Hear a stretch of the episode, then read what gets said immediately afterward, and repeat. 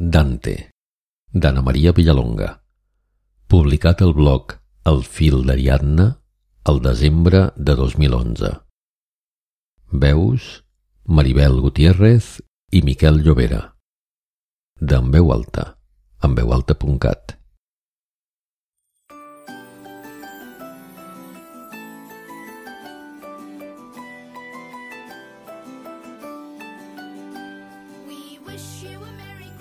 Ell tan sols mira. Ahir els llums de Nadal van inundar de sobte carrers i places. Van esclatar de cop, com una riuada imparable que tot ho nega. Els aparadors, els portals, les finestres, serps de bombetes de colors enganxades als vidres entelats de neu falsa enormes boles daurades que pengen dels balcons glaçats i grisos. Avets assedegats, guarnits amb un accés que atempta contra el respecte a la natura. La gent atrafegada entra i surt de les botigues carretejant amb dificultat bosses de paper i de plàstic, plenes. Bosses enormes amb dibuixos llampants.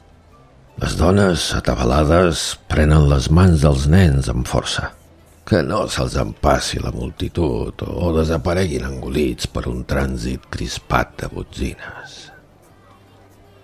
Ell no demana res. Observa. La cridòria a l'hora punta de la tarda és gairebé insuportable. Els cotxers dels bebès s'entrebanquen els uns amb els altres enmig de la vorera repleta. Les mares somriuen, la nerviositat continguda. És Nadal. Paciència. Ja se sap que les rodes dels cotxets són molt grosses. Un home disfressat de Pare Noel, testimoni viu de costums importats, reparteix publicitat d'una botiga de joguines en una cantonada ventosa. No fa un posat alegre. Per cridar l'atenció dels vianants, a estones ha de fer dringar una campana que du a la mà dreta. El so es perd sense remei dins el tràfic de gent. L'home es mira els peus amb estranya atenció i mou el cap d'un cantó a l'altre. Ningú no en sap el nom, però li diuen Dante. Algú va descobrir que venia d'Itàlia. La tarda decau lentament i la foscor s'escola amb una pàtina boirosa.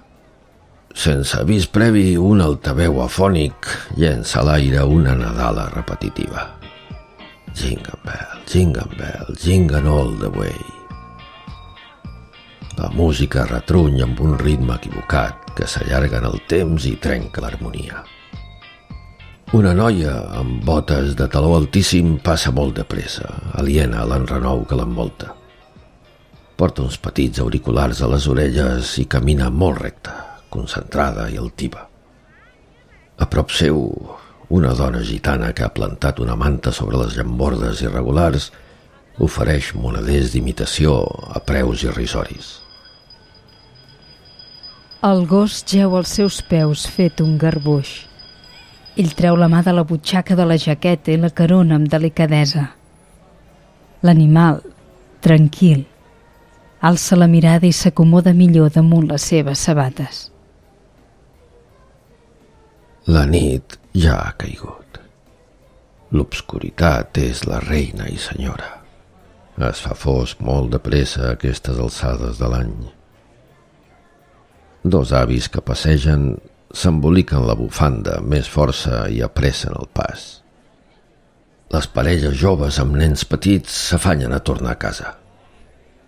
Els cambrers del restaurant del davant, silenciosos, treuen el cap per la porta a l'espera del primer client. Algunes botigues sorollosament abaixen les persianes. Les persianes es queixen quan algú les toca. La música de la Nadala encara ressona, però aviat decau amb un gemec llarguíssim i agònic. Dues dones que discuteixen són engolides per la boca del metro. La gitana comença a recollir. No ha venut gairebé res. Sospira. S'hi ha posat massa tard. Demà serà un altre dia. Ell s'aixeca a poc a poc, amb les cames gelades. Té la barba espessa i els ulls cansats i un munt de petites arrugues al voltant dels llavis. Es bufa una estona les puntes dels dits i s'espolsa els arnats pantalons amb parsimònia. Amb un sospir profund, mou el cap d'un cantó a l'altre, mirant a terra. Tothom perdut. Dóna uns copets suaus al cap del seu gos i l'animal quasi li somriu amb la llengua fora. Au, anem, que fa fred. A veure si trobem oberta la porta d'algun caixer automàtic.